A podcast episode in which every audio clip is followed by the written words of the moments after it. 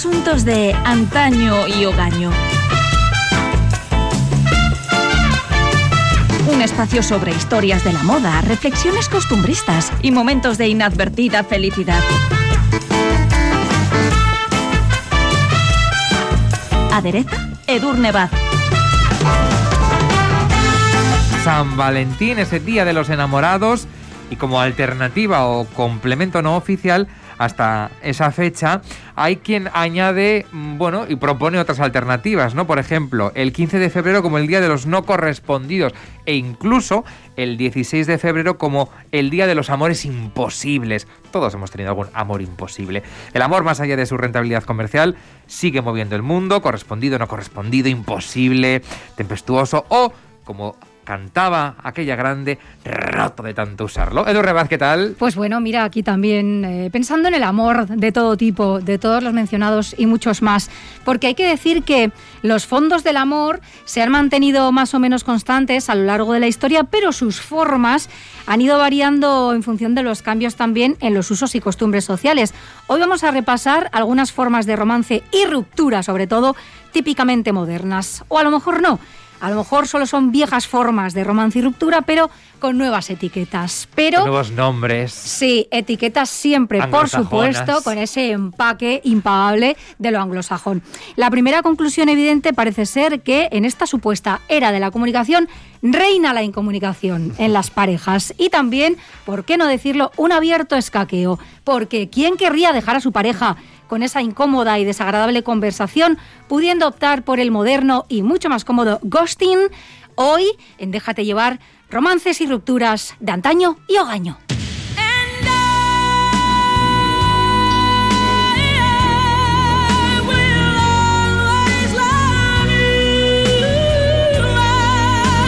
Y es innegable que las diferentes herramientas tecnológicas que facilitan nuestra comunicación ofrecen en paralelo una oportunidad, a veces bienvenida, eh, una forma de escurrir el bulto, ¿no? Cuando la ocasión lo requiere, cuando no tenemos la sagalla suficiente, nos viene bien para escurrir el bulto y...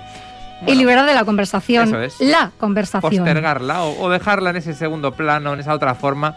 Y a buen entendedor, ¿no? Eh, que no hace falta encararnos. Exactamente. un poco cobarde. Totalmente, hoy vamos a ver muchas formas de cobardía, porque, bueno, hay que reconocer que llamadas, videollamadas, mensajes de audio, mensajes de texto nos han permitido, por poner un ejemplo muy cercano en el tiempo, sentirnos menos aislados durante este confinamiento forzoso. Y también nos han permitido, aunque con todas las reservas, salvar los muebles, porque no hay otra expresión, mediante el teletrabajo que está todavía improvisado y por definir. Pero también es cierto que a estas alturas creo que todos somos conscientes de que también han convertido en historia antiguas formas de comunicación, incluso antiguas formas de educación o cortesía. ¿no? Los profesionales de la sociología eh, llevan ya tiempo advirtiendo de que las diferentes formas de comunicación de base tecnológica, particularmente las redes sociales o los servicios de mensajería, están normalizando el ignorar o dejar sin respuesta a nuestro interlocutor, que esto es algo que rara vez haríamos cara a cara, ¿no? pues aunque nos incomode, si nos, costaría incluso, ¿no? En, el cara a cara. Es muy incómodo. No responder, pero en el WhatsApp podemos hacerlo. Pero ahí te dejo en visto y hasta luego, ¿no? Bueno, pues si antaño se temió que el vídeo matara a las estrellas de la radio, o gaño queda claro que el mensaje de WhatsApp ha sustituido de forma muy confortable a la llamada incómoda o poco apetecible. Aunque antes de la llegada del mensaje de texto hay que decir que ya existían, por supuesto, otras formas de eludir ese temido tenemos que hablar. Oh, Berger me deja a través de un POSIT. ¿Un POSIT? Ajá. Ajá. Sí. Leedlo y llorad, amigas. Lo siento, no puedo. No me odies. Por lo menos es conciso. Un POSIT es para matarlo. Yo aún recuerdo cuando romper por teléfono se consideraba de mala educación. Malamente. Sí, sí. Malamente. Mira.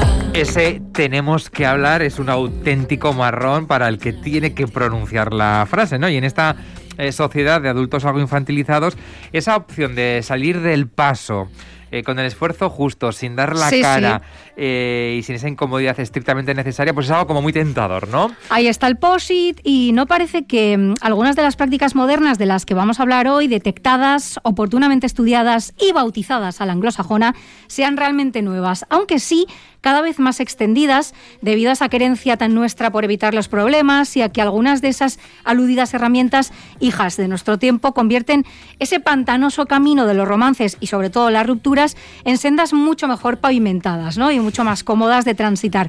Vamos a utilizar como manual el que podríamos bautizar ya como Diccionario Revisado de las Relaciones Humanas y los ruines escaqueos. Que vamos a engrosar con unos cuantos términos. Oh, a lo sí, hoy de- vamos a aprender un poquito de inglés además también, porque en muchas de las formas de interrelación de las que vamos a hablar se pierde, para empezar, la variable más deseable en una relación, que es la bilateralidad. O sea, en otras palabras, exacto, aquí la cosa hace aguas solo por un lado y esto significa que se acaba hundiendo de forma muy chapucera, si no directamente tóxica. Así que vamos a adentrarnos en algunos de estos conceptos modernos y también, por favor, recemos por no ser los destinatarios de ninguno de ellos en el futuro.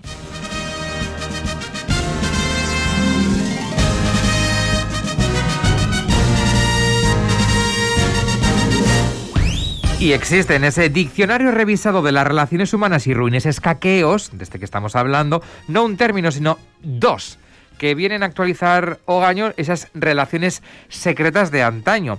Estamos hablando del pocketing o del stashing. Dos por uno. El pocketing deriva de la palabra pocket, bolsillo en inglés, mientras que stashing deriva de la palabra stash, que significa reserva.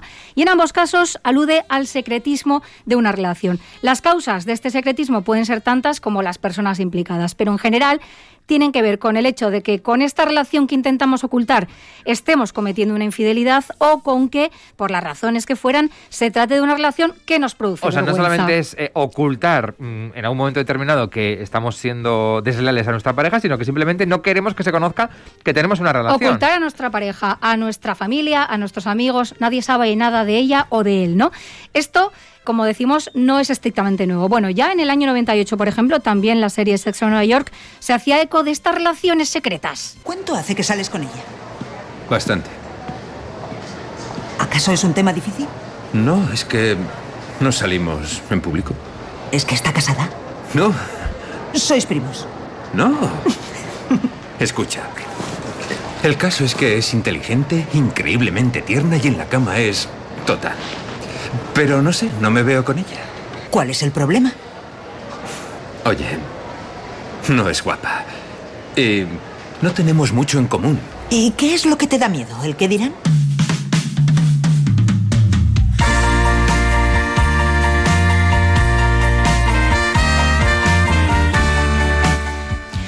Bueno, podríamos estar hablando eh, incluso de personas que llevan años juntas. No penséis que es algo así de relaciones cortas, pero que al por lo principio que siempre sea, se oculta un poco la relación, ¿no? Sí, porque hasta, que, tú estás seguro ¿no? o segura del tema, dices, bueno, a ver, esto no lo vamos a airear. Pero es que luego hay veces que esto se alarga y esto está muy bien siempre que las dos partes decidan vivir su romance en secreto, Claro, ¿no? si una de las partes es la que siempre quiere ocultar esa relación, puede empezar el conflicto en la, Sospechoso. en la pareja. Sí, porque además mantener a una persona en la sombra permanentemente para los profesionales de la psicología puede estar rozando una forma de maltrato Mm. también. Esto es muy tóxico en algunas parejas. Entonces, bueno, ¿es la de mantener una relación secreta, aunque sea bilateral o unilateral, una práctica de hogaño? Pues no, claramente. Estas cosas ya se hacían también antaño. En otros casos, ha sido una constante en la historia, por ejemplo, que los desequilibrios de poder entre hombres y mujeres o entre personas de diferente clase terminaran derivando en esto, ¿no? En una relación clandestina y no siempre de forma bilateralmente aceptada.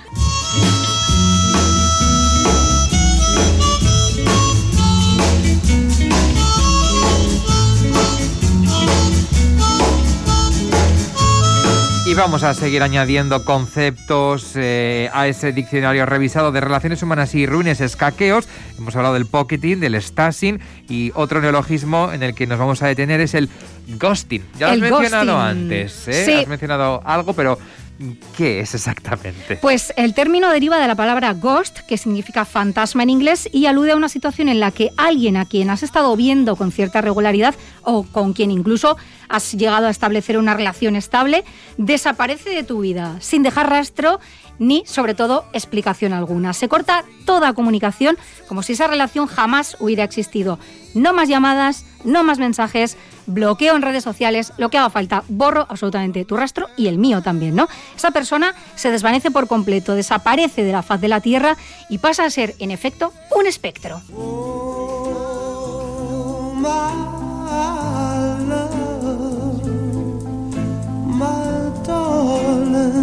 Un fantasma desaparece, se desvanece completamente. Eh, esto me recuerda, Edurne, a la novela de Pilar Eire, eh, Mi color favorito es verte, fue finalista del premio Planeta y ya narra la propia Pilar Eire en primera persona su experiencia con un Con hombre.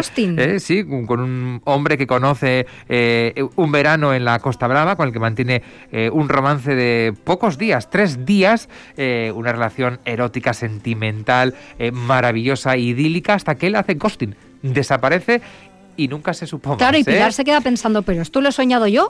¿O lo he tenido de verdad? Es que el ghosting tiene esto también, deja a la gente muy desconcertada, ¿no? Venga, sigamos. Desaparecer por completo, sin previo aviso y sin dar explicaciones de la vida de alguien ha sido una práctica tristemente habitual, tanto antaño como hogaño. Bloquear o silenciar en redes sociales y no responder a los mensajes podría ser el nuevo no coger el teléfono o no contestar a las cartas del pasado, ¿no? Pero Sí. ahora tiene un nombre con gancho que, por cierto, desde 2015 está incluido en el diccionario Collins, o sea que ya es oficial.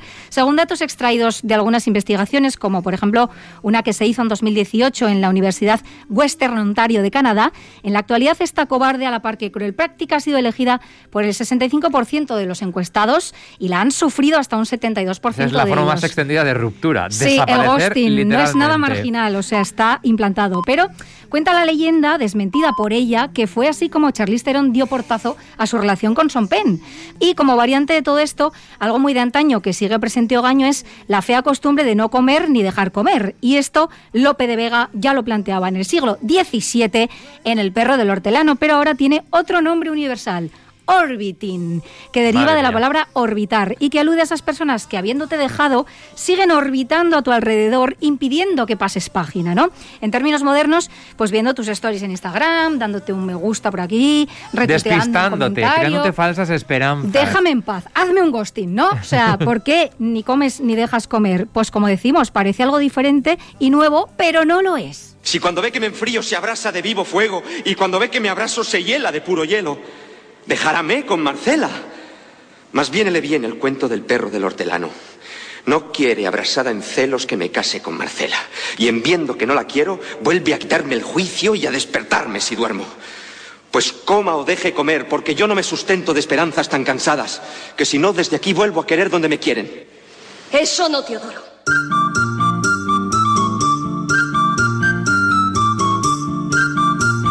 Términos, formas de ruptura que, bueno, algunas eh, hemos padecido, otras esperemos no padecerlas. No, nunca, le vas a hablar tú a Lope de Vega de Orbiting. Pero duelen, ¿eh? Cómo duele Oh, sí. que te dejen y que luego estén dando por el saco. No, no, los profesionales de la psicología están preocupados con muchas de estas porque al final son tremendamente crueles y suben a las personas que las sufren en un desconcierto absoluto, se preguntan qué ha pasado, qué he hecho mal. Esto es muy duro, amigos, hay que enfrentarse a las cosas, ¿no? Pero la técnica del orbiting comparte también cercana frontera con otra forma de relación más que cuestionable, que es el benching, que deriva del término bench, banco en inglés, ¿no? O para que nos quede todavía más claro, el banquillo.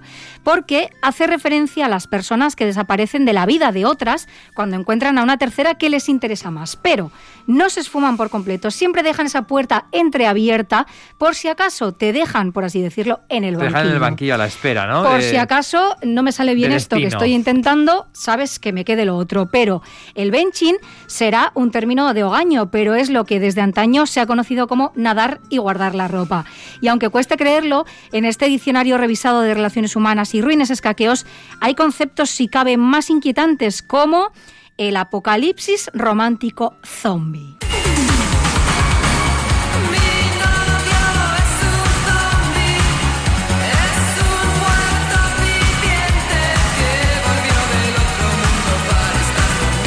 Claro, vamos a situarnos en esa persona que es dejada, desaparece de tu vida, te hacen un ghosting, ese amor eh, correspondido eh, que te hace vibrar, de repente desaparece, no sabes nada de él, se corta Ni toda si ha muerto comunicación con eh, esa persona, pero de repente se enfrentan a algo aterrador, que es el zombie. Sí, porque el sentido de este neologismo es fácil de intuir y es que efectivamente tal cual se refiere a personas que repentinamente y sin previo aviso se esfumaron con una bomba de humo que no igualaría ni la bruja mala del oeste en el mago de Oz, pero un buen día deciden volver de entre los muertos, igual con un extemporáneo y sibilino, ¿qué tal estás en WhatsApp, no? Que nadie se espera de repente de esa persona, un me gusta por aquí, ¿Qué un comentario estás? en redes. Guapo. Sí, ¿Qué tal ¿cómo te va? guapa? Que es de tu vida, pero yo qué sé, que es de la tuya si pensaba que habías muerto, ¿no? O sea, la intención puede ser retomar la antigua relación o simplemente jugar. El tonteo de antaño, que lo habéis adivinado, tiene su renovada etiqueta hogaño y es breadcrumbing o Traducido, la práctica de ir soltando miguitas de pan, de forma ambigua, sin dar pasos concluyentes, para mantener interesada a la otra persona. Ir abonando el por terreno, ¿no? A ver si sí, voy vuelve a dejando caer, aquí ¿no? unas miguitas, pero yo tampoco tengo intención de nada más, ¿no? Es una práctica habitual, al parecer, entre personas con pareja que quieren seguir sintiéndose deseables. Y tiene esta también una variante, si cabe, más rastrera, que es el cushioning, que deriva de la palabra cushion, que en castellano es cojín, y alude a las personas que se están planteando dejar a su pareja, pero mientras se deciden, van amortiguando el terreno, disponiendo un colchón, tanteando el mercado y a lo mejor coqueteando directamente o incluso quedando con otras personas. En resumen, desplegando A ver si encuentro algo mejor esa red de seguridad. y entonces... Eso es, yo al vacío no salto. Eso es. Me voy no a ir dejo, tejiendo una no red. dejo lo que ya tengo, esa eh, seguridad, hasta que no compruebe si lo que veo por ahí me, me interesa, me compensa. y- Exacto, y... para eso has hecho ya el cushioning, que ha sido ir amortiguando tu propia caída. Madre o sea, mía. esto es realmente de reprimir la náusea, amigos. Soy la persona más mezquina del mundo. Soy la persona más mezquina del mundo.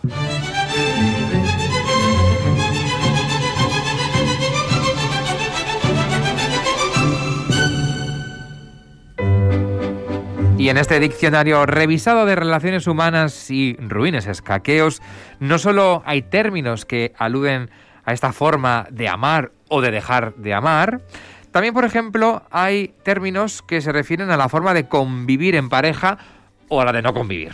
Por ejemplo, es el caso de las llamadas parejas LAT, que es eh, un acrónimo de Living Apart Together. Cada o- uno en su casa. y Dios en la de Exactamente. todos. En castellano, parejas que no viven bajo el mismo techo porque quieren mantener la propia independencia, evitar el desgaste de la convivencia o que la rutina pues no apague la llama, Y cada vez se dan más casos de esto, sobre todo cuando igual has tenido una ruptura anterior, y dices, bueno, mira, ya cada uno en su casa, Cada mochuelo en su olivo, en su olivo, y ¿no? mira, y, mm, y ya está. Pero bueno, tampoco hay garantías de éxito, como en todo en la vida, ¿no? Las relaciones son así. Por ejemplo, esta fórmula ya la hicieron célebre parejas tampoco millennial, como la formada por Woody Allen y Mia Farrow o por Frida Kahlo y Diego Rivera. Y hay que decir que al menos en estos casos, pues tampoco fue como, eh, decimos, garantía de éxito. ¿Crees que nosotros nos separaremos? ¿Qué clase de pregunta es esa? Oye, yo- yo no me lo planteo. ¿Y tú? No. Bien.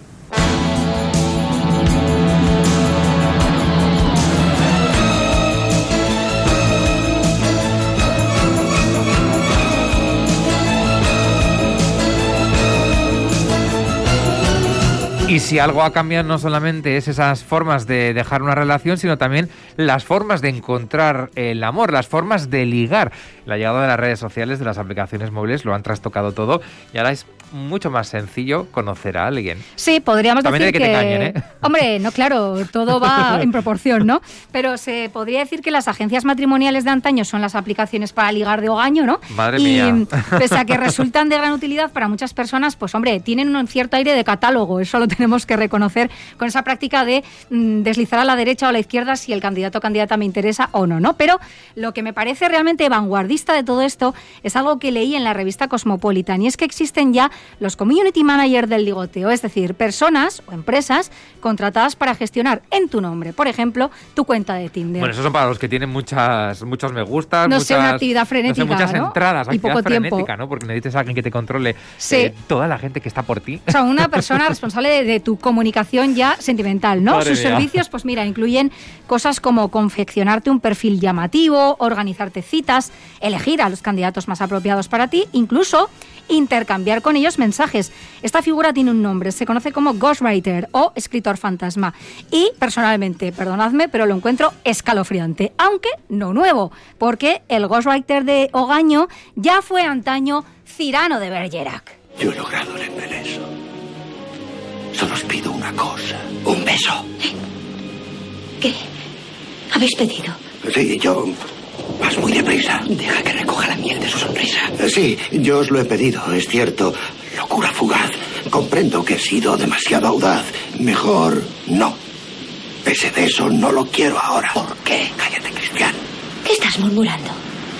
Me he dejado llevar por un impulso inmundo y me he dicho, cállate, Cristian. Un segundo. Consígueme el beso. Espera. Todo está inventado. Hombre, claro, que está ahora está rebautizado. rebautizado pero y ya todo, todo, con esto nombre anglosajón, ¿no? Seguimos adelante porque hay que decir que mientras las redes sociales y aplicaciones facilitan al máximo el camino hogaño, siguen vigentes rudimentarias técnicas de antaño, como estamos viendo, como la de conocer a tus potenciales amores o amantes a la vieja usanza. Por ejemplo, ahora, a falta de barra de bar o pista de baile, haciendo la compra en el supermercado. Y hay una cadena alemana de supermercados que ha lanzado una iniciativa para animar a los solteros y solteras a que hagan la compra los viernes entre las 6 y las 8, las 8 de la tarde, con el fin de que se puedan producir imprevistos fechazos Como en una, tiempos una de pandemia, hour, ¿no? ¿no? Es la- hora del ligue en el supermercado. Mientras estás seleccionando el solomillo, la merluza, los pimientos. Pues parte y mitad o- de romance O las aceitunas, Sí. pues ahí quizás conozcas. eh, al amor de tu vida. Al amor de tu vida. O al ligue de tu día, ¿no? Pero claro, igual hay personas que van entre las 6 y las 8 porque no pueden ir en otro momento y no buscan nada. Entonces hay que evitar las confusiones y enviar falsas señales. Así que al entrar eh, al supermercado, los clientes se pueden colgar un distintivo que tiene forma de corazón y tiene un número que confirma que están disponibles y que están receptivos, ¿no? o sea, Y- vas marcado y señalado. Totalmente, esto sí que es también el mercado, o sea, el mercado propiamente Nunca y nunca fue tan o literal. sea. Y bueno, si algún cliente se interesa por otro, solo tiene que anotar el número y rellenar un formulario con su proposición. Y aquí, atención, un empleado avisará al afortunado o afortunada por megafonía. Esto a mí me suena súper indiscreto y me ha recordado un poco a escenas como esta. Me llevo estas. 50, esto hace un dólar, un dólar y cuarto. ¡Eh, Ralph! ¿Cuánto vale orgasmo? Envuélvalas, hombre. ¿Eh? ¡Orgasmo! Este señor quiere un ejemplar. ¿Cuánto vale?